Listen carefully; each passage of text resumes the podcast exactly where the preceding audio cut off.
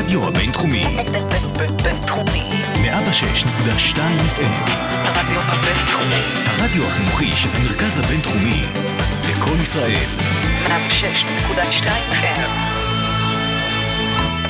השעה הבינתחומית. פודקאסט שמחדד את המוח. עם גיל מרקוביץ'. שלום, שלום. הרבה הבטחות יש פה בפתיח הזה, שאנחנו הולכים לחדד לכם את המוח. תשמעו, אני כבר הייתי נשארת. הרדיו הבינתחומי 106.2 FM, אני גיל מרקוביץ', והפעם איתי באולפן, אה, לשמחתי, בפעם השנייה, דוקטור הדס הראל, פסיכולוגית קוגניטיבית, מומחית לפונקציות קוגניטיביות גבוהות. היי. היי. אני ראיתי אותך אה, מחייכת על זה שה... שאנחנו מבטיחים חידודי מוח. לחלוטין. זה אני- גורם לחייך, כן? כן, זה, זה גורם לחייך, אבל זה גם קשור למה שאנחנו כנראה הולכות uh, לדבר עליו, וזה גם קשור למה שדיברנו עליו בתוכנית נכון. הקודמת. מה בעצם uh, יכול uh, לשפר לנו את האינטליגנציה, לחדד לנו כל מיני uh, מיומנויות, נכון? זה, יש, לחלוטין. יש קשר. אנחנו מנסים כל הזמן. נכון. ההצלחה זה כבר שאלה אחרת, אבל אנחנו פחות מנסים. אז מה, נגיד באמת, אם אנחנו כבר בשאלה הזו, האזנה פסיבית לתוכן uh, שמע, אודיו, פעם נבדק? יכול איכשהו מה, כל מהידע שלך? ידע, כל עוד זה ידע שאנחנו יכולים לרכוש ולהשאיר את הידע שלנו, בוודאי. כן? זה לחלוטין מגדיל את האינטליגנציה הקריסטלית שלנו, שזה הידע שיש לנו. כן. אם אנחנו קשובים וזה מעניין אותנו, ואנחנו חושבים על זה, זה מעשיר את הידע שלנו ואנחנו נהיים יותר חכמים. שזה הידע גוגל, כמו שאני כיניתי אותו נכון. בתוכנית הקודמת. זה הבנק של הידיעות שיש לנו, ואנחנו יכולים ויכולות להשתמש בו. נכון, אבל דיברנו על זה שזה שונה מגוגל, כי ברגע שזה נכנס אלינו לראש, זה מתחבר לדברים אחרים, ואז אנחנו נכון. כבר יכולים לעשות עם זה דברים נוספים וחדשים. נכון, עדיף- and match כזה. בדיוק, עדיף שיהיה אצלנו ולא בגוגל. כן, אבל גוגל מנסים לש- ל- לחקות בעצם את המוח בזה שהם מייצרים נגיד פונקציות כמו לכתוב מילה, ואת עושה פלוס ומילה אחרת, ואז את מוצאת את כל העמודים שיש בהם באיזשהו מקום את שתי המילים האלה. כאילו גוגל אולי אה, נכון, מנסה אבל- לחקות. הוא יכול, לנס... בינתיים לפחות, הוא יכול לחכות, אבל היכולת לעשות את הכישורים והחיבורים החדשים והמעניינים, שאולי על זה אנחנו נדבר היום, כן. זאת עדיין יכולת אנושית אה, שמורה לאדם בינתיים. כן, אוקיי, מגניב, כן, זה, אני מניחה ש... בגלל זה אני אומרת שאם הם מנסים לחקות אותנו, זה אומר שאנחנו עדיין ברמה יותר... אה, עדיין יותר יש מה, מתקדמת, עדיין כן. יש דרך. um, אני רוצה אה, להגיד עוד משהו חשוב, ככה לפני שאנחנו מתחילות. את בתוכנית הקודמת דיברנו בין היתר על פעילות פיזית. פעילות גופנית, uh, שהיא מאוד חשובה, ו- ואני יצאתי בתחושה שאני מנוונת לחלוטין, ושמילא בגוף, אבל עכשיו גם אני מבינה שזה בעצם מנוון לי את. השכל. אז פשוט uh, עשיתי לעצמי מנוי. תראה, אני עושה כאילו יוגה שנים, אבל אמרתי לעצמי, לא, לא, צריך משהו שהוא לב ריאה, צריך. פעילות אירובית. כן, אני יצאתי פה עם, אה, עם to-do list. בקיצור, אני מיישמת. Uh, תדעי לך שעל השיעור הראשון, ובגלל זה אני רוצה להגיד, אני רוקדת המון, אבל את יודעת, להנאתי. ובשיעור מובנה, שיש תרגילים שאת צריכה ממש לעקוב אחריהם. ואת ממש כאילו, ויש לך קצב, את לא רוצה להישאר מאחור. יש ממש תחושה שהמוח עובד. עזבי את הגוף, אני בכלל שוכחת מהגוף שלי, יאללה, אז יש דפיקות לב, בסדר, אז חם לי, כאילו, זה כבר לא עניין אותי, עניין אותי להבין מה הבן אדם עושה, וכאילו כל הזמן הייתי בקשב לעקוב ובהסתכלות. אז הנה, הרווחת פעמיים, גם חמצנת את המוח, ועכשיו המטאבוליזם שלו יעבוד יותר טוב, וגם הפעלת את כל המערכות של קליטת ידע חדש, שהן מערכות ש-use it or lose it, אנחנו רוצים להשתמש בהן כן. ולאמן אותן, ולא בדרכים הרגילות, ולא בדרכים המוכרות שהולכות לנו לידע אז איזה הקודם. מזל שפגשתי אותך עכשיו, ולא לחלוטין. כזה בגיל 40-50. למרות שהנה המסר, אף פעם לא מאוחר, גם אם מתחילים בגיל 60, עדיין יש לזה אפקט אדיר. וואלה, אוקיי, מעולה, טוב לדעת, וכל מי שמאזין, מאזינה.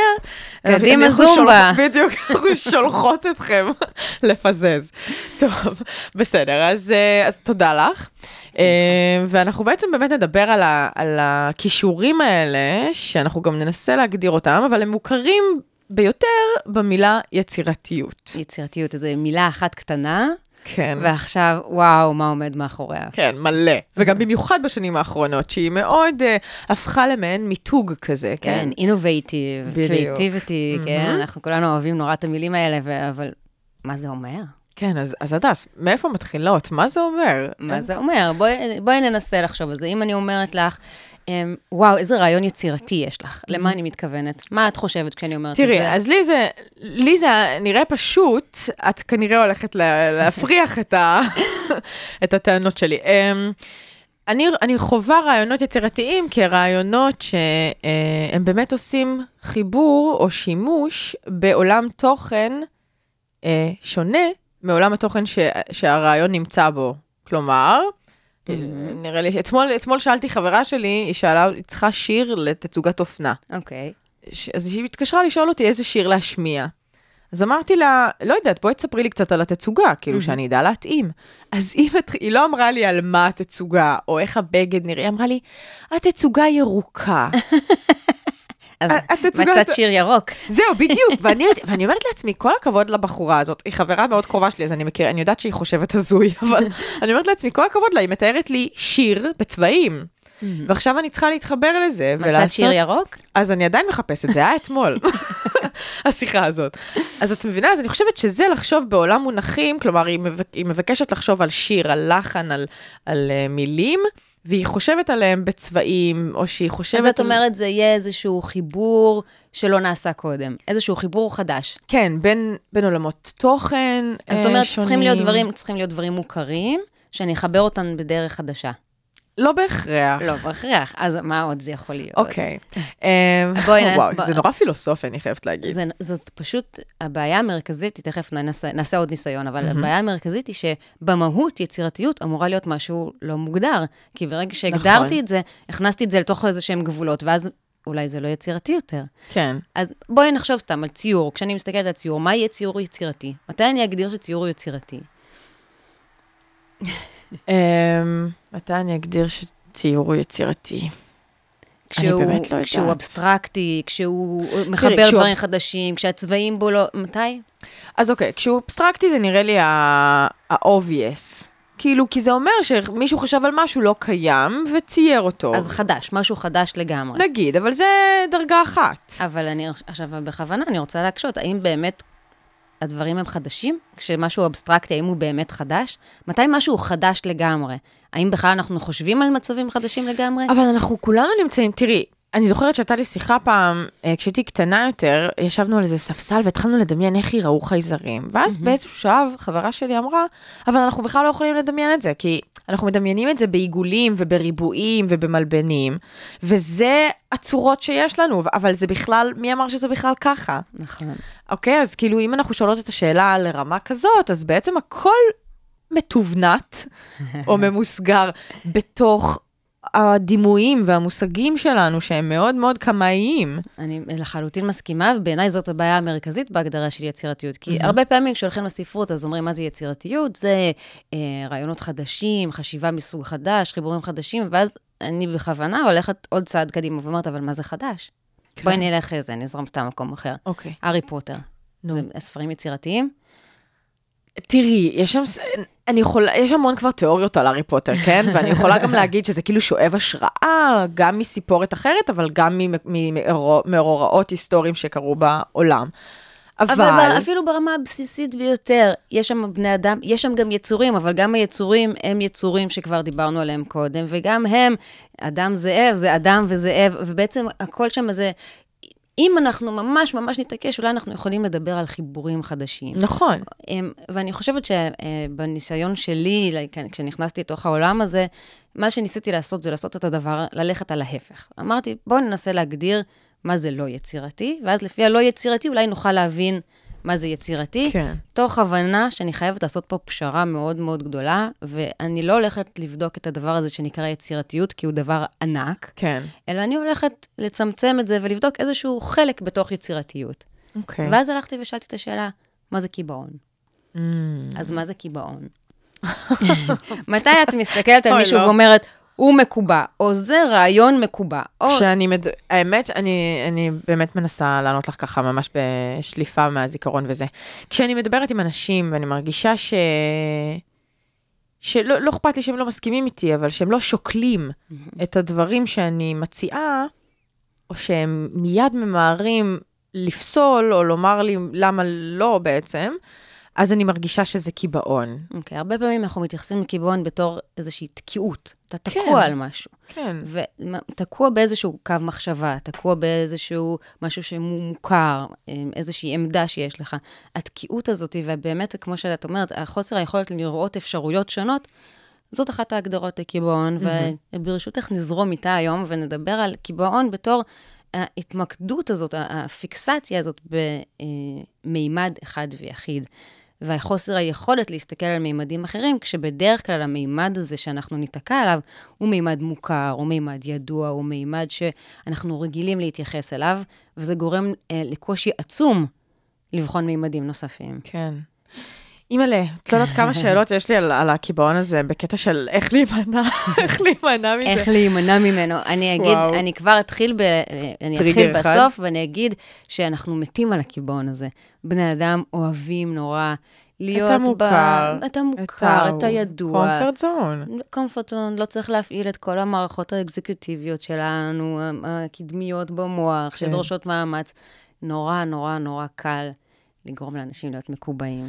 כן, תראי, אמ, ב- עם המשפט הזה, אנחנו היינו יכולות לבחור את comfortably numb של פינק פלויד, אבל אנחנו לא נעשה את זה לכולנו, כי זה שיר נורא מדכדך, ואנחנו דווקא בהייפ אחר. אז, אז בחרנו אה, חמישה שירים לתוכנית, ונתחיל עם, אה, עם הראשון מביניהם, Fast Car של אה, טרייסי צ'פמן. אני אשמח אם תסבירי אה, ככה מה, אם יש הקשרים. יש, יש המון הקשרים לשיר הזה, נגיד שהוא שיר שהוא, יש בו גם מכונית, שנדבר עליה אחר כך, אוקיי. והוא מדבר, ב, אה, מן הסתם, אנחנו נגיע בהמשך לדבר על דברים שקרובים לליבה של טרייסי צ'פמן, כמו סטריאוטיפים, אה, תכף נעשה את כל הדרך לשם. מעולה, אז הנה טרייסי צ'פמן, פסט קאר, תכף נשוב.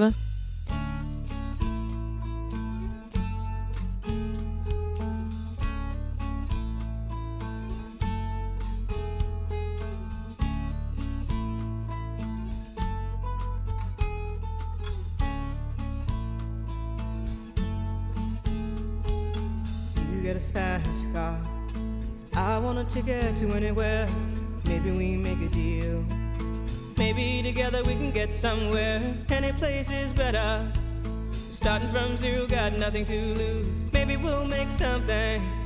Me, myself, I got nothing to prove.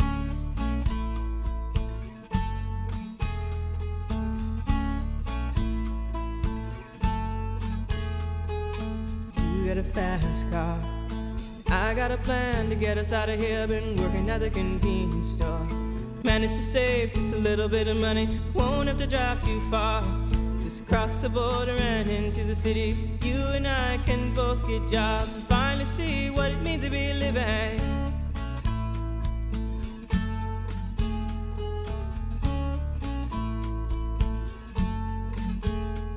See, my old man's got a problem. Yeah, but the bottle, that's the way it is. He says body's too old for working. His body's too young to look like his. My mama went off and left him. She wanted more from life than he could give. I said, somebody's got to take care of him. So I quit school, and that's what I did.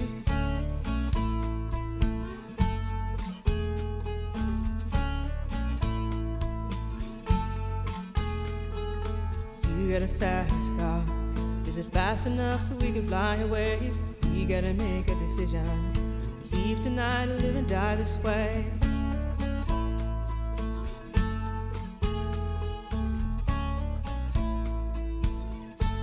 So I remember when we were driving, driving in your car. Speed so fast, I felt like I was drunk. City lights day out before us, and your arm felt nice wrapped around my shoulder. And I, I had a feeling that I belonged. Had a feeling I could be someone, be someone, be someone.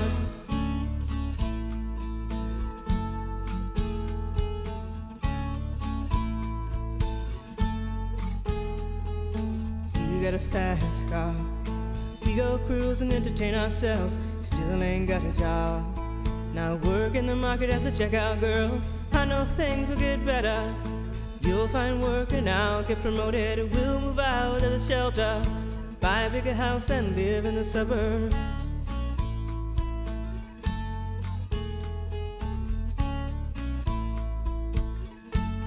I remember when we were driving, driving in your car. Speed so fast, it felt like I was drunk. City lights lay out before us, and your arm felt nice wrapped around my shoulder,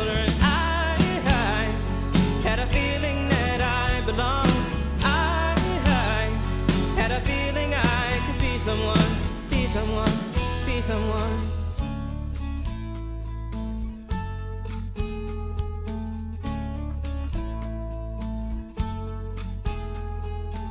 You got a fast car. I got a job that pays all our bills. Instead of drinking late at the bar, see more your friends than you do your kids. I'd always hope for better. Thought maybe together you and me find it. I got no plans, I ain't going nowhere. So take your fast car and keep on driving.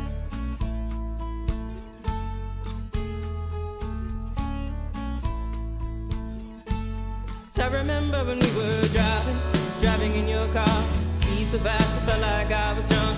City lights lay out before us, and your arm felt nice wrapped around my shoulder. And I, I had a feeling that I belonged. I, I had a feeling I could be someone, be someone, be someone.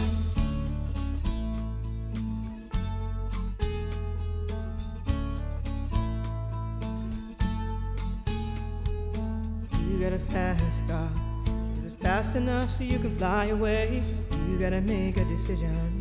Leave tonight or live and die this way.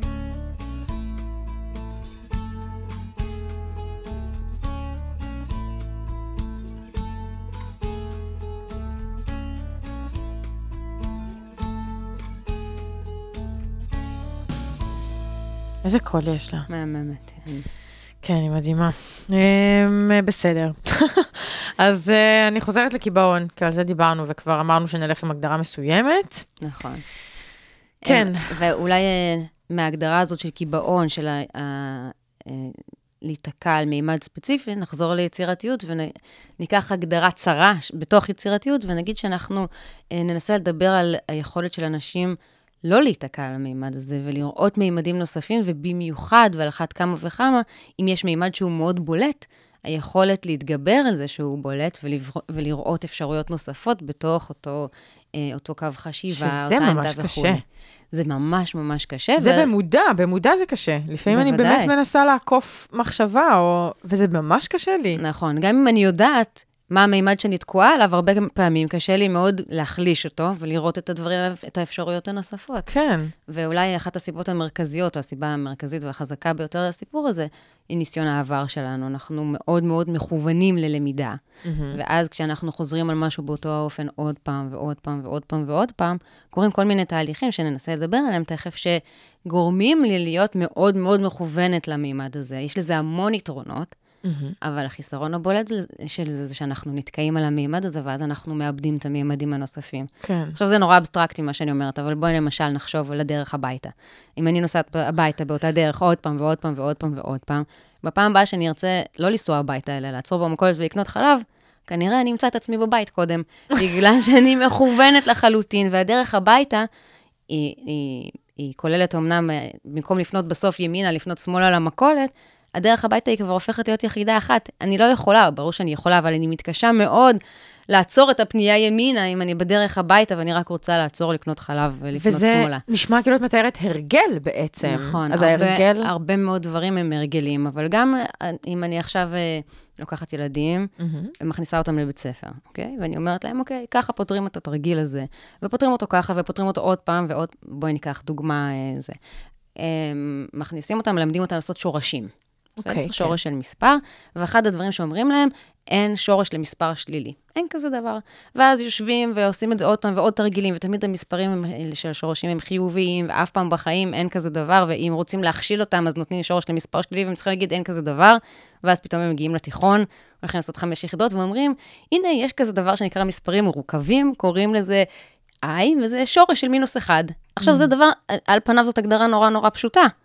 אבל זה אחד הדברים שהכי קשה לקלוט, בגלל שכל החיים אמרו לי שאין כזה דבר שורש למספר שלילי. אז עכשיו, מה פתאום? מה, העולם השתנה, העולם מתהפך, וזה, מספרים מרוכבים זה דבר נורא נורא קשה. בלי כן, שום סיבה לתפיסה. הגיונית, בדיוק. עכשיו, אם הלכתי בדרך אחת כל החיים, עכשיו ללכת בדרך אחרת זה נורא קשה. אבל אני, אני חשבתי שהקיבעון על פי, על סמך ניסיון העבר, נוצר מאיזושהי אמ, אמ, גמול חיובי שחוויתי מהניסיון. אבל אם נגיד. עשיתי משהו וחוויתי חוויה לא טובה, למשל, הדרך שבה הלכתי הביתה הייתה ממש ארוכה ומייגעת, ואני צריכה לחשוב על דרך אחרת. אז האם זה... אם זה לא- הלכתי פעם אחת בדרך הביתה והייתה ארוכה ומייגעת, אני לא אתקע על הדרך הזאת. אוקיי. לא ייווצר לי קיבעון שם, אלא אם כן מישהו יגיד לי, זאת הדרך היחידה הביתה, אבל בואי, בואי נחכה עם זה לרגע. אני אתמקד כרגע ב, בעובדה שאנחנו עושים את אותם דברים שוב ושוב, ואת צודקת לחלוטין, יש שם גמול. אה, אם אה, נלך לכהנת הגדולה, הגדולה של המיינדפולנס, סוג של יצירתיות, אה, שנקראת אלן לנגר, פרופסור אלן לנגר מהרווארד, והיא אומרת, תראו, העולם זה עולם, הוא עולם נורא נורא נורא מורכב ומלא בפרטים, והמערכת שלנו מכוונת לעשות קטגוריות. מה זה אומר לעשות קטגוריות? לקחת דברים ולהכניס אותם לקבוצות על פי הפונקציות שלהם. אז אם אני רואה בחוץ עץ, אני לא בוחנת את כל המימדים שלו. אני לא בוחנת באיזה צבע הוא, האם הוא מירוק כזה או מירוק אחר. אני יכולה, אני יכולה לרדת לפרטי הפרטים, אבל כשאני אקח את הילד שלי ואגיד לו, מה זה? אני מצפה שהוא יגיד לי, זה עץ. והוא עושה קטגוריזציה לעצים, ועכשיו הוא יראה עצים. ואם עכשיו אני, הוא צריך לחשוב על עץ בדרך אחרת, זה יותר קשה. זה כיסא, כאן יש לי כיסא, על כיסא יושבים. מה עוד אפשר לעשות עם כיסא? אני שואלת את הסטודנטים בכיתה, מה עוד אפשר לעשות עם כיסא? אז הם אומרים לי, אפשר לטפס עליו, אפשר לרדת ממנו, אפשר זה. מה צריך לעשות בשביל לפתוח את החשיבה? אני אומרת להם, חברים, בואו תחשבו כמו ילדים לרגע. ואז פתאום קורה משהו, כי כשאתה ילד, אתה מרשה לעצמך לפתוח את החשיבה. כן. ואז פתאום הכיסא יכול לא- להיות אונייה, או כל מיני בדיוק. דברים כאלה. גם כן. עוד לא ברור לך מה, מה הכיסא נועד לשמש, זאת אומרת, כל עוד לא הושיבו אותך ואמרו לך, שב יפה, נכון. עד אז, עד אז לא הרסו לך את החשיבה. לחלוטין. גם על ישיבה אגב. גם על זה אפשר לדבר. כן. אלן לנגר יש לה אג'נדה בדברים האלה. קודם כל, כמובן שכל מבחני יצירתיות מראים שהיצירתיות צונחת מיד כשנכנסים לבית הספר. אה, האם זה טוב או רע? כמובן שאנחנו, אפשר עוד לדבר על זה ארוכות, אבל מושיבים אותם על הכיסא, זאת א', זאת ב', זאת ג', קדימה. סע עד סוף כיתה א', אתה צריך לדעת לקרוא, לכתוב, ויש לנו דדליין כן. מטורף, הדברים האלה. אה, היא טוענת שצריך ללמוד בחוץ. היא טוענת שצריך ללמוד בתזוזה. אנחנו כל כך, גם סוגרים את הילדים וגם סגורים באופן שבו אנחנו מתייחסים לאיך צריך כן. ללמד. נכון, מאוד מאוד, מאוד אה, מאוד פסיבי, מאוד נייח. נכון. קשה. מאוד, מאוד קשה. אמ, אז רגע, אז ניסיון העבר שלי הוא בעצם אחד מהגורמים לקיבעון, אמ, ו- ואת אומרת, זה לא בהכרח רע, כי אם הדרך שמצאתי טובה, למה שאני אה, אחפש דרכים אחרות ללכת בהן הביתה? מעולה. בואי ניקח דוגמה אה, יותר קיצונית, אה, ונסביר גם דרכה מה קורה, איזה תהליכים עובדים שם. בואי ניקח נהיגה, אוקיי? אוקיי. אה, את נכנסת לאוטו בפעם הראשונה, את צריכה לעשות המון המון המון פעולות שהן פעולות נפרדות. נכון. ואז את לא נוהגת טוב, מכיוון שאת עושה המון פעולות נפרדות. אחרי שנהגת עוד פעם ועוד פעם ועוד פעם ועוד פעם, קורה משהו. קורה משהו בתהליך הזה, אנחנו קוראים לזה צ'אנק. בעצם כל היחידות האלה, הנפרדות, של ההילוכים, של ההגה, של להסתכל החוצה, של חוקי התנועה, הכל ביחד, הופך להיות יחידה אחת. ועכשיו כשאת נכנסת לאוטו, את נוהגת. זה הרמוני. זה, זה הופך פעולות. להיות ממש מחובר, החיבורים הופכים להיות נורא נורא חזקים, וזה הופך להיות יחידה אחת. ואם עכשיו אני אגיד לך, תשמעי, תיכנסי לאוטו ותחשבי על כל הפעולות השונות שאת עושה, יקרה משהו מאוד מאוד לא טוב. כי העוצמה של הנהיגה היא בזה שעשית אותה המון המון פעמים, וכל הדברים יתחברו בבת אחת. כן. זה קורה לנו כל הזמן, כל פעולה זה- שאנחנו עושים שוב ושוב, הדברים מתחברים נורא חזק. אז אבל אז כשאני טובה. רוצה לפרק את זה, מהמם. אם אני עכשיו רוצה להיות יצירתית. אני צריכה לקחת את הצ'אנקים האלה, שאחרי הרבה ניסיון הם נורא נורא חזקים, ואני צריכה לפרק אותם. וזה נורא נורא קשה. שוב, זה לא בלתי אפשרי, אבל זה נורא קשה. כן. כי אני מבינה. החיבורים מתחזקים מאוד מאוד מאוד. אוקיי, אז ניסיון העבר, אז הוא גם טוב, אבל גם גורם לקיבעון. נכון, אנחנו פשוט צריכים להיות מודעים לזה, שאם אנחנו רגילים נורא לעשות דברים בדרך אחת, הסיכוי שנהיה יצירתיים אחר כך אה, מאוד מאוד מאוד נמוך. עכשיו, זה, זה אה, בעצם הגורם העיקרי של קיבעון? זה הכ- קודם כל הגורם המרכזי והכי חזק. יש אה, כל מיני דוגמאות הזויות, מנצלים את זה כמובן בשביל להרוויח כסף. אוי. אה, נורא בקלות. באמת? אה, מ- מה למשל? מדוגמאות הזויות, כמו אה, שאין לנגר נותן, לא יודעת אם זה היה עובד בארץ, בארצות הברית אה, מפ- יש פרסומים. אה, עדיין לא מאוחר לשלוח דולר ל... ונותנים כתובת. ולא מבטיחים שום דבר. אין שום הבטחה למשהו, אבל אנשים רגילים שהם שולחים דולר והם יכולים לזכות? במשהו, הכל מחובר. יש שם חיבור כזה בין המודעה לבין הסיכוי לזכות, ואולי מישהו גם זכה פעם בעבר, ואנשים שולחים, גם אם לא ברור דולרים. בכלל מה, מי אין שום מפרסם. הבטחה, כתוב משהו באותיות הקטנות שהוא לא קשור לכלום, שזה נראה כמו... ואנשים שולחים, אה, וואו, רוצה דוגמה ממדינת ישראל? כן, מה אה, עובד עלינו? מה עובד עלינו? עובד מאוד מאוד חזק. אני אה, למדתי באוניברסיטת בן גוריון בעבר, ויום אחד נכנסתי לתחנת דלק בבאר שבע, והיה שלט ענק. הם מכרו, מכרו טישרטים, בעל התחנה היה מאוד זה, וכתב, היה כתוב בגדול מבצע, אה, ארבע חולצות ב-100 שקל, ומתחת היה כתוב בקטן, כל חולצה 20 שקלים. חולצה בנפרד 20 שקלים. אוי, עכשיו, מה אנחנו עושים? אנחנו רואים את המילה מבצע. עוד פעם, הכל מחובר. אין, אין, החשיבה הביקורתית מחובה, אנחנו מכבים אותה, יש לנו חשיבה אוטומטית שמבוססת על זה שיש לנו כבר את החיבורים האלה שאומרים מבצע שווה, הרווחתי כסף, קונים ארבע חולצות ב-100 שקל, משלמים הרוויח. 25 שקלים על כל חולצה במקום 20. כן. שדרת. מבצעים בסופר, פעם ניסית להשוות את, ה, את מה שמוכרים בשדרת המבצעים לבין האופציות שיש ב, אה, בסופר הרגילות? אם את מעלה לי את המודעות לזה, אז נגיד עכשיו אני, אני אתחיל לבדוק.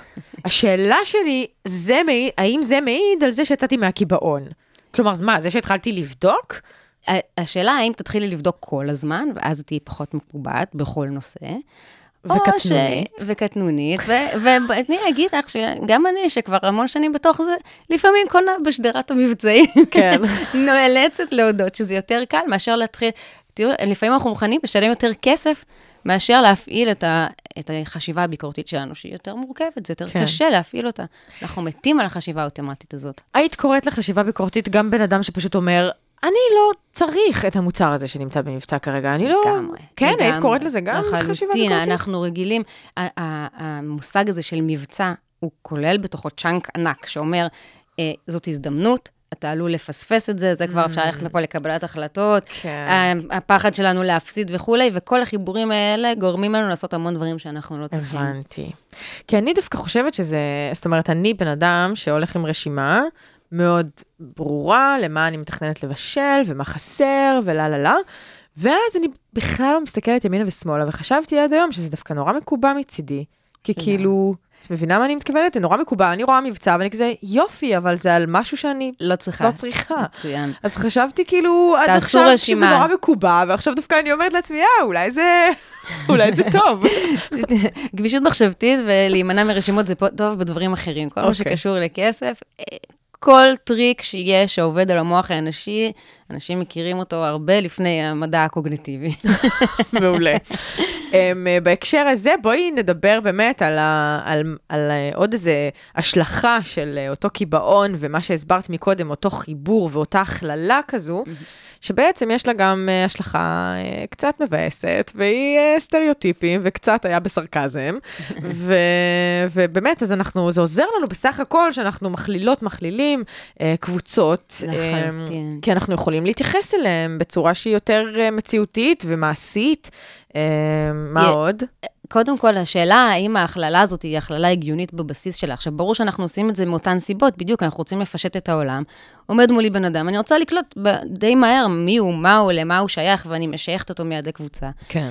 אה, ואם אני אבקש ממך לשייך את עצמך לקבוצה בצורה הזאת, את תהיי מסוגלת? את לא רוצה לעשות כזה דבר. נכון. אני, אני בן אדם מלא, יש לי המון אפיונים, וכל, ובעצם, אני, כל בן אדם הוא בן אדם מלא עם הרבה מאוד אה, דברים שיש בתוכו. בטח לא צבע העור מאפיין אותו, בטח לא אינטליגנציה מאפיינת אותו, בטח לא שום תכונה ספציפית, ואנחנו אה, קודם כל מאפיינים בני אדם ומשייכים אותם לקבוצות על סמך אה, המאפיינים החיצוניים שלהם. וזה אסון. כן, כן, זה- זה, זה גורם לאסון. חשבנו בהתחלה שזה בסך הכל, אה, אני מניחה, כן? חשבנו בהתחלה, אני כן. מדברת לפני... אה, כמה עשורים טובים. כן, כמה עשורים טובים, אה, שזה בסך הכל איזושהי הבחנה, אבל זה בעצם מייצר אצלנו המון המון המון תוצאות והתנהגויות שהן לכאורה מיוחסות לאותן קבוצות או תכונות בקבוצה. לגמרי, ואין לך מושג איך אנחנו מעבירים את זה, אפילו בלי להתכוון.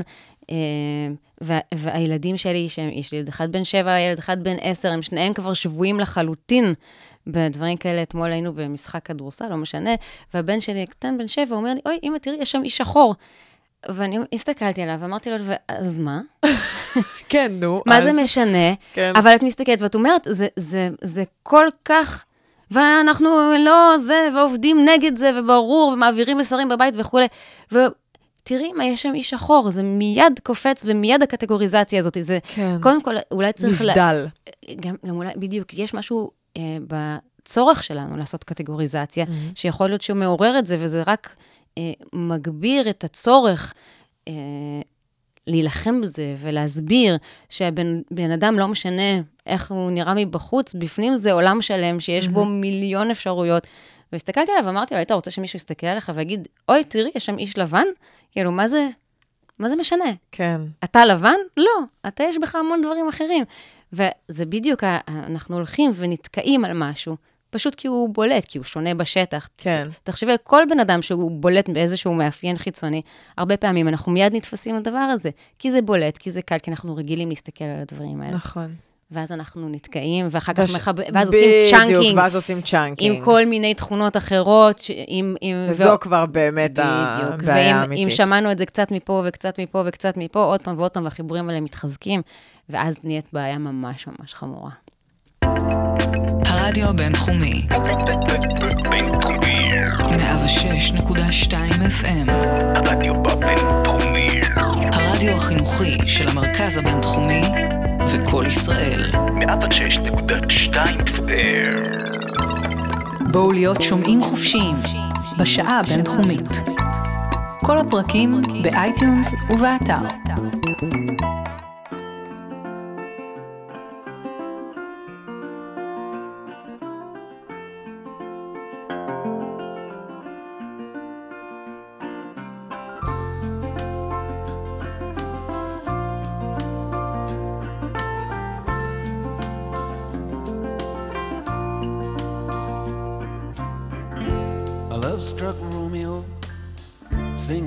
Streets a serenade, laying everybody low with a love song that he made. Find the streetlight, steps out of the shade, says something like, You and me, babe, how about it?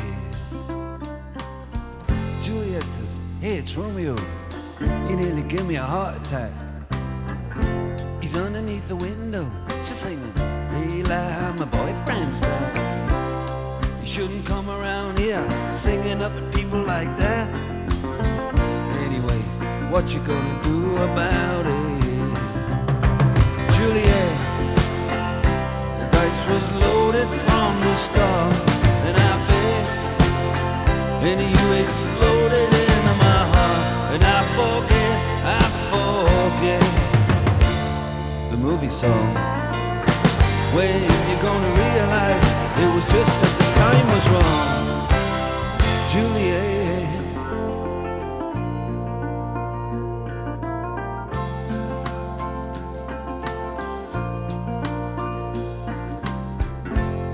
Come up on different streets, they both were streets of shame. Both dirty, both mean. Yes, and the dream was just the same. And I dreamed your dream for you, and now your dream is real. You look at me as if I was just another one of your deals? When you can fall for chains of silver, you can fall for chains of gold. You can fall for pretty strangers, and the promises they hold. You promised me everything. You promised me thick and thin, yeah. Now you just say, oh, Romeo, yeah. You know, I used to have a scene with him. Juliet, when we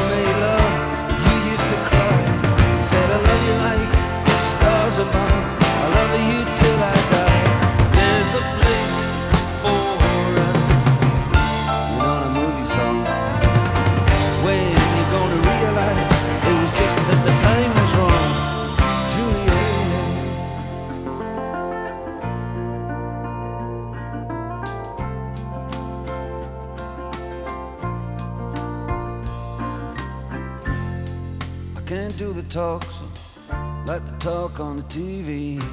And I can't do a love song like the way it's meant to be. I can't do everything, but I'll do anything for you. I can't do anything except be in love with you. And all I do is miss you and the way we used to be. All I do is keep the beat. Is kiss you through the bars of a rhyme. Julie, I do the stars with you anytime.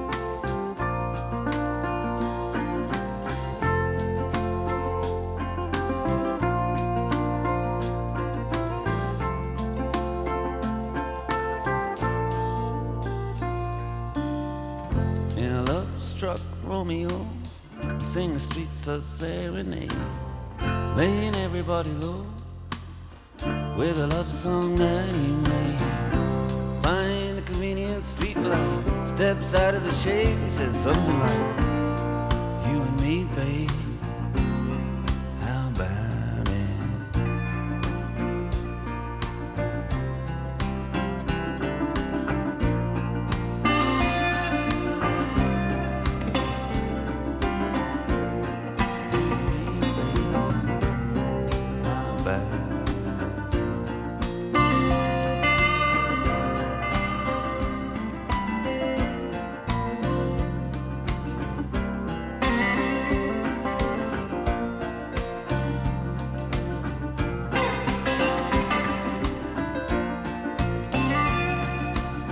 רומאו וג'וליאט, Dire Straits, אהבה משותפת כנראה.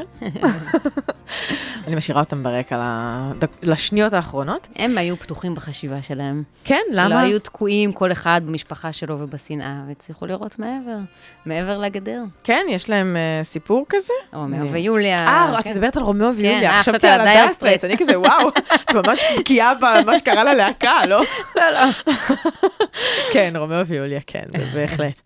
אה, טוב, האמת שזאת גם שאלה מעניינת. כלומר, האם כשאני הולכת אחרי רחשי ליבי, שהם לכאורה איזה יצר ואיזה דחף פנימי שאני לא תמיד יודעת אה, להסביר, והוא לא תמיד מתומך באיזו מחשבה אה, עמוקה או, או מעופפת, כן, בשביל היצירתיות, האם גם זה בעצם אה, יצירתיות? כלומר, זה, זה בעצם אני- גם שאלה. אני מעקמת פרצוף קצת, כי בסוף אנחנו הולכים לאנשים שהם פחות או יותר דומים לנו, אנחנו לא מאוד פותחים את החשיבה, אבל אה, הולכים אוקיי. למישהו שהוא מאוד שונה. במקרה זה שהתאהבתי בו, הוא במשפחה שיש עליה טאבו בלה בלה בלה, אבל הוא תכלס דומה לי. בדיוק, הבנתי. נכון. הוא יהיה בכיוון שלי, עם עמדות דומות לעמדות שלי, אנחנו, קשה לנו מאוד עם אנשים שהם מאוד שונים מאיתנו. כן.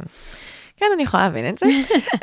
אוקיי, אז אה, דיברנו בעיקר על אה, ניסיון עבר ארוך טווח.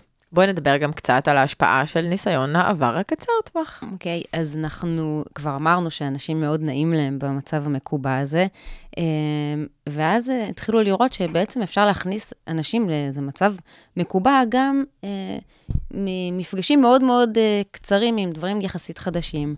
אמ, נתחיל ב...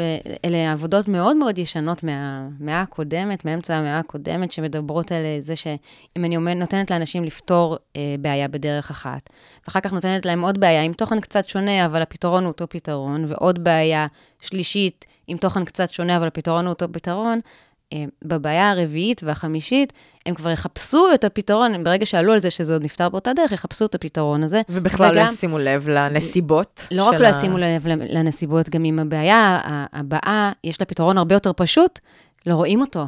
לא רואים אותו, מפספסים אותו בכלל, גם אם הדרך שנתתי להם היא דרך מורכבת ומסובכת, הם יעשו, יחפשו מיד איך אפשר ליישם את הדרך המסובכת הזאת שוב, ולא יראו שמול העיניים יש להם פתרון הרבה הרבה יותר פשוט, ואפילו חמור מזה, גם כשאומרים להם, תקשיבו, על הדף של הבעיה האחרונה, תכתבו, Don't be blind.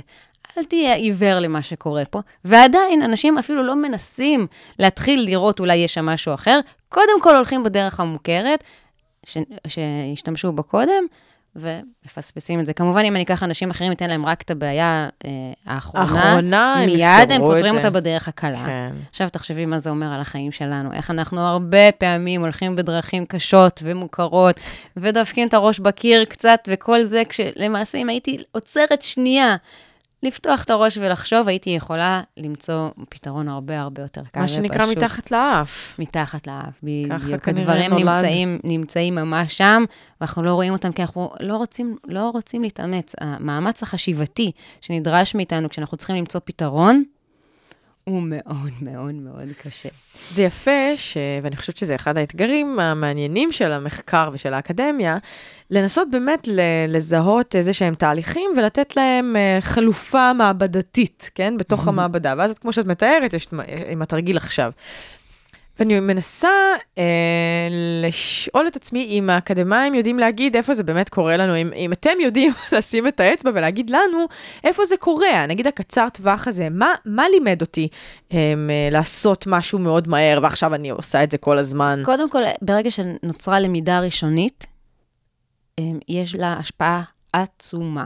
אה, אפילו ניקח את זה, נחזור לשנייה אחת למעבדה, ואז נצא עם זה החוצה בחזרה. כן. אה, אותה אלן לנגר שדיברנו עליה קודם, אומרת, זה לא צריך ארבעה, חמישה צעדים כדי לגרום למישהו להיות מקובע, מספיק צעד אחד. כן. במפגש הראשון עם משהו חדש, אני יכולה לגרום לבן אדם לחשוב עליו בצורה סגורה או בצורה פתוחה. למשל, אם עכשיו אה, אני לוקחת תלמידים ומראה להם, לא יודעת מה, מפה.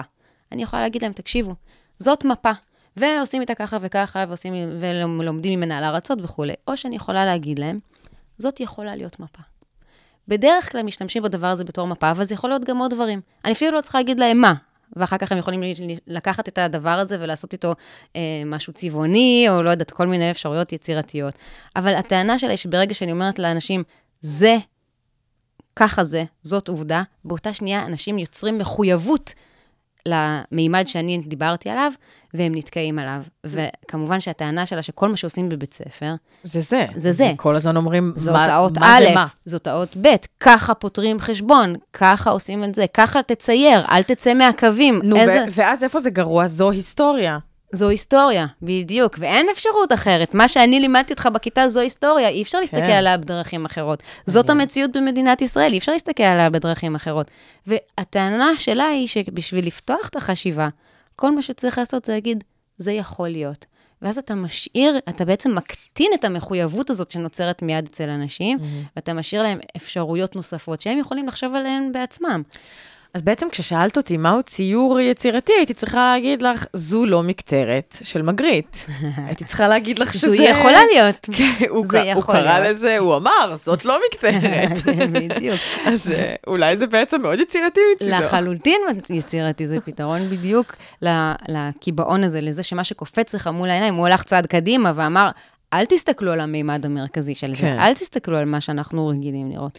וכ- וכאן ה- הטענה היא שזה לא רק ההרגל והניסיון הארוך טווח, אלא כבר בפעם הראשונה, אני יכולה לגרום לאנשים, טראח, לסגור את החשיבה.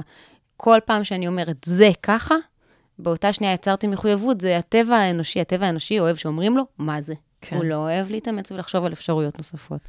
כן, אני גם מנסה לחשוב על אם היה קורה הפוך, נגיד היה מצויר אה, תפוח והיה כתוב, אה, זו חולצה. אז אני מנסה לחשוב, נגיד, אני אומרת לעצמי, אם מישהו היה אומר לי, פה יש חולצה, הייתי מתחילה לחפש את החולצה. ואולי בסוף, בדמיון אה, על, הייתי גם אה, רואה- מוצאת רואה איזה שם חולצה. צל קטן שנראה כמו חולצה, לא יודעת, הייתי ממציאה איזה משהו. וכאילו, אני באמת אומרת לעצמי, זה כל כך מקבע, כאילו, והוא באמת אמר, זו לא מקטרת, אז עכשיו תתחילי לחפש, מה את רואה? תשאלי את עצמך את השאלה. עכשיו תשאלי את עצמך את השאלה, וגם אה, יכול להיות, עושה אפילו משהו יותר פתוח מזה, כי זה אומר, זה יכול להיות גם עוד דברים. זה גם זה וגם זה וגם זה, ואז זה, זה לא אומר בואי נמצא מה, מה זה לא, או מה זה עוד, אלא זה אומר, יש פה מגוון של אפשרויות. כן. וזאת דרך לגרום לאנשים לפתוח את הראש. אמ, כן. ואז זה לא פעם, לא פעמיים, לא שלוש, אלא מיד בפעם הראשונה אנחנו צריכים לדאוג להישאר פתוחים. זו הדרך הביתה, זאת יכולה להיות הדרך הביתה, אולי יש דרכים אחרות. מעולה, אז פשוט צריך להציג דברים כאפשרות. מאוד קל לחיות ככה. זה ציני? אוקיי, אנחנו, אני רוצה שנספיק לשמוע אוקיי. okay. עוד איזה שיר, ואז נדבר על מה קורה כשאין לי ניסיון, וגם האם זה בכלל תמיד טוב שאני כל הזמן מחפשת את המסביב ואת האפשרויות הנוספות. באמת. אה, אז אה, מה את רוצה אה, לשמוע? את סיה, את אפרת גוש, בחרת כל מיני שירים, את אה, ימן בלוז. בואי נבחר את סיה, שיש לה, עושה לנו מצב רוח טוב, ואז נדבר על ההשפעות של מצב רוח טוב על יצירתיות. מעולה. אז הנה סיה עם צ'יפ ת'רילס.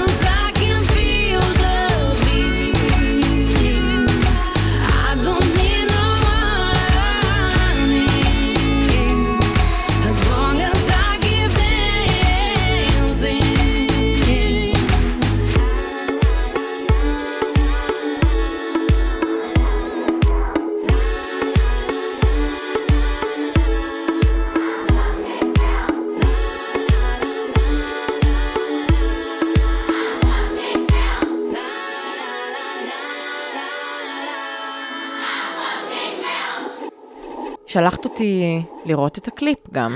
כן, אני צריכה הוא לעשות גם את הוא זה. יצירתי ממש. כן? בכלל הייתי מגדירה אותה כמישהי, היא שותפה הרי לעשייה גם של הקליפים, והיא בחורה, אישה מאוד יצירתית גם. בעצ- בעצמה. טוב, בסדר. אז אה, מה קורה באמת כשאין לי ניסיון? בעצם אני באה פעם ראשונה לאיזושהי בעיה או לאיזשהו תחום, ואז אוקיי. מה? אז נגיד ככה, קודם כל, כשאני באה לתחום חדש לחלוטין, אז אין לי ברירה אלא להתחיל לבחון אותו בכל מיני דרכים. אמ, לרוב עדיין אני אחפש איך זה מתחבר למקומו, לדברים אחרים ומוכרים שאני עושה, ואז אני נתקעת בחזרה. אמ, אבל אני חושבת שאחד הממצאים הכי מעניינים שיש לנו בעשורים האחרונים, זה שאני יכולה לגרום לאנשים להיכנס ל-state of mind מקובע.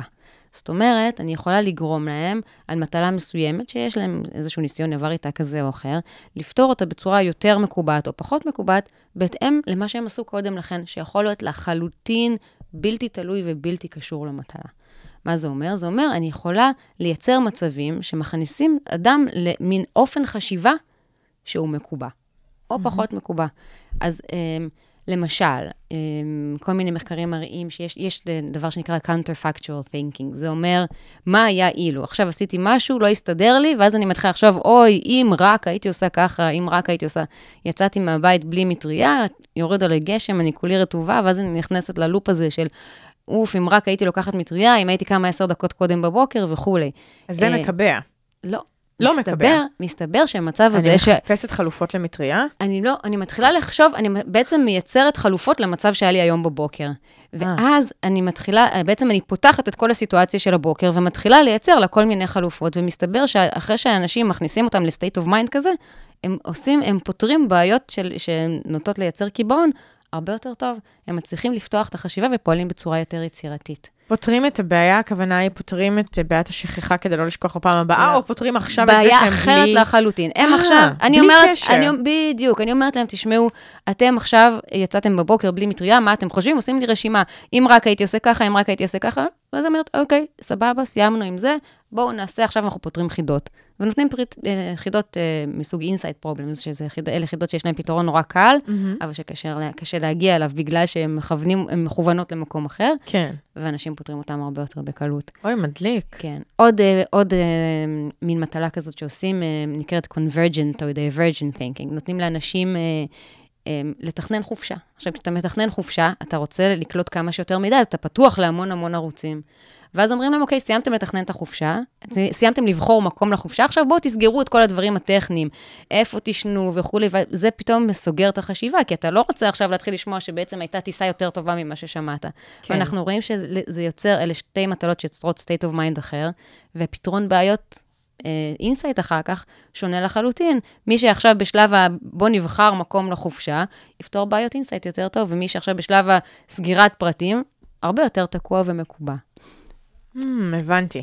ורגע, יש לי שאלה, אם נגיד עכשיו את, את מיידעת אותי בדברים האלה, אם אני אשתמש בזה, נגיד לפני ראיון עבודה, לגמרי. זה יעבוד לי? לגמרי. למרות שאני מודעת לזה שאני בעצם למרות עושה שאני דבר מודעת, כזה? אם את מצליחה לעשות, זה, אלה כל מיני תרגילים שאפשר לעשות אותם לפני סיור מוחות. להגיד לאנשים, תקשיבו, בואו עכשיו, אה, תחשבו על האירוע האחרון שבו התפקשש לכם משהו, וקדימה, עכשיו בואו תתחילו לחשוב מה הייתם יכולים לעשות אחרת. וזה ממש מכניס אותך ל state of mind הרבה יותר פתוח מאשר אה, מצבים אחרים. וואו. אמ, אני רק אומר שהממצא, אחד הממצאים האחרונים שלנו, שהוא הרבה יותר מטריד מהבחינה הזאת, מראה שכשאנשים עובדים לפי הוראות מאוד מאוד מדויקות, זה מוביל אותם בדיוק למקום ההפוך. הפוך. זאת אומרת, זה סוגר להם את החשיבה.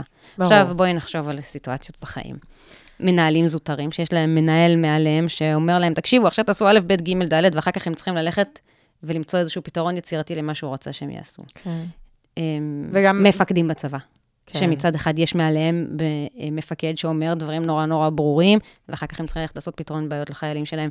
כל דרגי הביניים לחל, לחלוטין תקועים בתוך המצב הזה. מצד אחד נותנים להם הוראות מאוד מאוד סגורות, מצד שני הם צריכים לחשוב באופן יצירתי. אז בגלל זה אולי התחיל הגל הזה של באמת איך לנהל נכון, כלומר, כי את לא רוצה לתקוע את הדרג שנמצא תחתייך בסך הכל, גם אם את רוצה לוודא שדברים נעשים. לחלוטין. וואו. בואי נחשוב לרגע על סטודנטים. אוקיי. סטודנטים. נשמע לי דווקא שהם פחות בין הפטיש לסדן. עכשיו נשאלת השאלה, איך מלמדים אותם? אם אומרים להם, תשמעו, אני מעביר לכם את החומר, ואתם צריכים לעשות ככה וככה וככה וככה, וככה פותרים תרגיל, ואני אומר לכם מה לעשות, טה-טה-טה, ואז הם צריכים לפתור תרגילים לבד. והתרגילים הם לא כל התרגילים אותו דבר, וזה דורש בכל זאת איזושהי חשיבה יצירתית. עוד פעם, סגרנו להם את החשיבה. לעומת זאת, אם אני אשאל אותם שאלות בשיעור, אם אני אבקש מהם להיות שותפים, אם אני אבקש מהם להביע דעה, אם אני אבקש מהם לפתור תרגילים בצורה עצמאית אחרי שהראיתי כמה פעמים איך דברים נעשים, אז אני שומרת על החשיבה שלהם יותר פתוחה. טוב, ועכשיו גם נשאלת השאלה, אם אפשר לעשות את זה בכיתה של 120 סטודנטים, לעומת אה, 60. מה שמוביל אותנו לשאלה הבאה, האם תמיד אנחנו רוצים יצירתיות? האם תמיד יצירתיות זה דבר טוב? אז אם נשאל את אלן לנגר, החברה שלנו מהרווארד, היא תגיד, כן, תמיד צריך להיות יצירתי בבית ספר. ב- כשאתה מסדר את המיטה בבוקר בבית, אתה צריך לשים לב שבאיזה צבע היא, מאיזה חומרים היא עשויה וכולי, וכל הזמן צריך להיות פתוח. אם תשאלי אותי, לי יש עמדה קצת יותר אה, מתונה בנושא הזה. אני חושבת שלפעמים אנחנו מאוד רוצים להיות יצירתיים, ולפעמים זה פחות חשוב. מתי? רגע, פחות חשוב או אפילו כאילו מזיק או מפריע? אפילו, אפילו מזיק ומפריע. אה, אני אגיד מ- אמירה שאולי יכולה להישמע מקוממת, אוקיי? אוקיי. אם אני רוצה ילדים קוראים, עכשיו, אני, סוף כיתה א', הדדליין הוא דדליין מטופש, לא להבין אותי לא נכון. כל ילד יש לו את הקצב שלו וזה mm-hmm. בסדר. אבל אם אני רוצה ילדים קוראים לפני כיתה ה', אני לא יכולה להשיב, להושיב אותם בכיתה ולהגיד להם, זאת יכולה להיות האות א', וזאת יכולה להיות האות ב', כי ילדים שהגיעו מהגן, עם כל הדמיון המקסים שלהם, הם לא יחשבו על האות ב', כשאני אומרת להם זאת יכולה להיות ב', הם יחשבו על זה שאפשר לצייר ממנה ברווז. אני מאוד מקובעת, ויצא לי מילה בבית. אבל, אבל הם, אצלם, כנראה, כנראה התרחשו תח- תהליכים אה, הרבה יותר פתוחים. אז אם אני רוצה עכשיו שילדים ילמדו לקרוא, אז אני צריכה שהילדים, אני צריכה להגיד להם, זאת האות ב', ועכשיו תכתבו את האות ב' כמה 10, פעמים? 20, 30 פעמים, ותגידו בו, בא, ב, וכולי. אם אני רוצה עכשיו שהילדים שיצאו בזמן לבית ספר, ואני אגיע לעבודה, הם לא יכולים להתחיל לחשוב מאיזה חומר עשויה השמיכה. זה לא יכול לקרות, אוקיי? כי זה לוקח זמן, כי אלה תהליכים שהם יותר מורכבים. אם אני רוצה אנשים נוהגים, לא כדאי שהם יתחילו לחשוב כל פעם שנכנסים לאוטו, איך הם מסובבים את ההגה ומה הם עושים עם הרגליים. אבל האם זה ממש נכנס לשגרה, לשגרת המחשבה, להלך הרוח? האם זה ממש ישפיע עליי כשאני נוהגת? כלומר, אה, אם אני או שאני עכשיו... מסוגלת גם להיות באיזה איזון כזה, טוב, כאילו אני, שהכל אני נורא אקח, מושלם. אני אקח את זה עכשיו דווקא בכוונה לצד השני אוקיי. לחלוטין. Um, אני חושבת שאולי אפילו דיברנו על זה בפעם הקודמת, um, ואני אזכיר שאנשים שמגיעים ליכולות מאוד מאוד מאוד אה, גבוהות בתחום מסוים, אבל לא יכולות גבוהות הכי טובים uh, בעשירייה הפותחת, אלא באחוז, האחוזון העליון, זמרים, נגנים וכולי, אלה אנשים שאף פעם לא הולכים למקומות האלה של לעשות דברים בצורה אוטומטית. זאת אומרת, הם יהיו אלה שבשגרה שלהם כל הזמן תהיה בקרה, וכל הזמן תהיה יצירתיות, וכל הזמן זה יהיה, זה יכול להיות התו דו. זה לא יהיה דו, זה, זה יכול להיות דו. זה mm-hmm. כל הזמן תהיה שם פתיחות, וזה יוצר, אם אתה מצליח להיות בסטייט אוף מיינד הביקורת של הבקרה והפתוח הזה, אתה מצליח בסופו של דבר להגיע מאוד מאוד מאוד רחוק לקצה, אבל לא סתם הם אחוזון אחד, כי יש מעטים שמסוגלים לעשות את זה. ובהתנהלות היומיומית, עם עולם מורכב כמו העולם המורכב שלנו, אני רוצה לעשות קטגוריות. כן. אני רוצה לסדר את המיטה בזמן, ואני רוצה לדעת שעל כיסא בדרך כלל יושבים. ואני רוצה שהאחוזון הזה ייקח אוטובוס. ואני רוצה שהחזון הזה, אם, אם- עוד פעם, אלא אם כן הוא עסוק אה, במרוצים, אלא אם כן. כן זה נהג מרוצים, שאותו כן. אני רוצה לחלוטין שהוא יהיה הכי נכון. פתוח בחשיבה. כן, אני רוצה שהוא ייקח אותו מיקרואוטובוס. אוי, טוב, אנחנו הגענו איכשהו לסוף, לא יודעת איך זה קרה, אבל זה קרה, ותודה רבה לך על השעה הזאת. היה כיף גדול. כן, גם לי, דוקטור הדס הראל, פסיכולוגית קוגניטיבית, מומחית לפונקציות קוגניטיביות גבוהות. אה, אני ממליצה אה, לעשות את מה שהדס אומרת, ולתרגל, לבחור לכם אפילו משהו אחד מכל השעה הזו והשעה של ה- שעה הקודמת שהתארחת בה, ולבחור משהו אחד ולהתחיל ליישם, ככה אולי תרגישו גם יותר טוב עם עצמכם. אתם על הרדיו הבינתחומי, אני גיל מרקוביץ', אנחנו נסיים עם הימן בלוז, הנה כבר ברקע, השיר את ואני, כי אמרנו שאנחנו צריכות לשמור על הייפ אה, גבוה בתוכנית הזו. ומצב רוח אה, משמח. תודה רבה, להתראות. ביי ביי.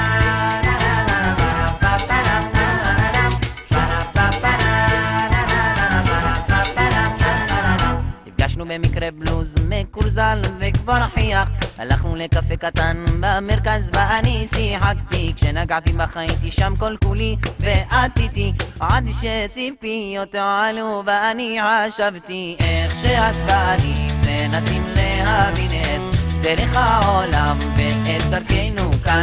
איך שאת ואני מנסים להבין את דרך העולם ואת דרכנו כאן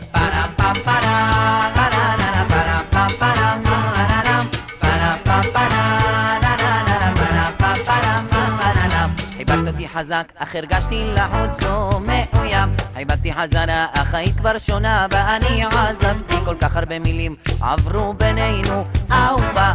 אך מה אומר לך כשאת חולמת בשבילי? איך שאת באה לי מנסים להבין את דרך העולם ואת דרכנו איך שאת ואני מנסים להבין את דרך העולם ואת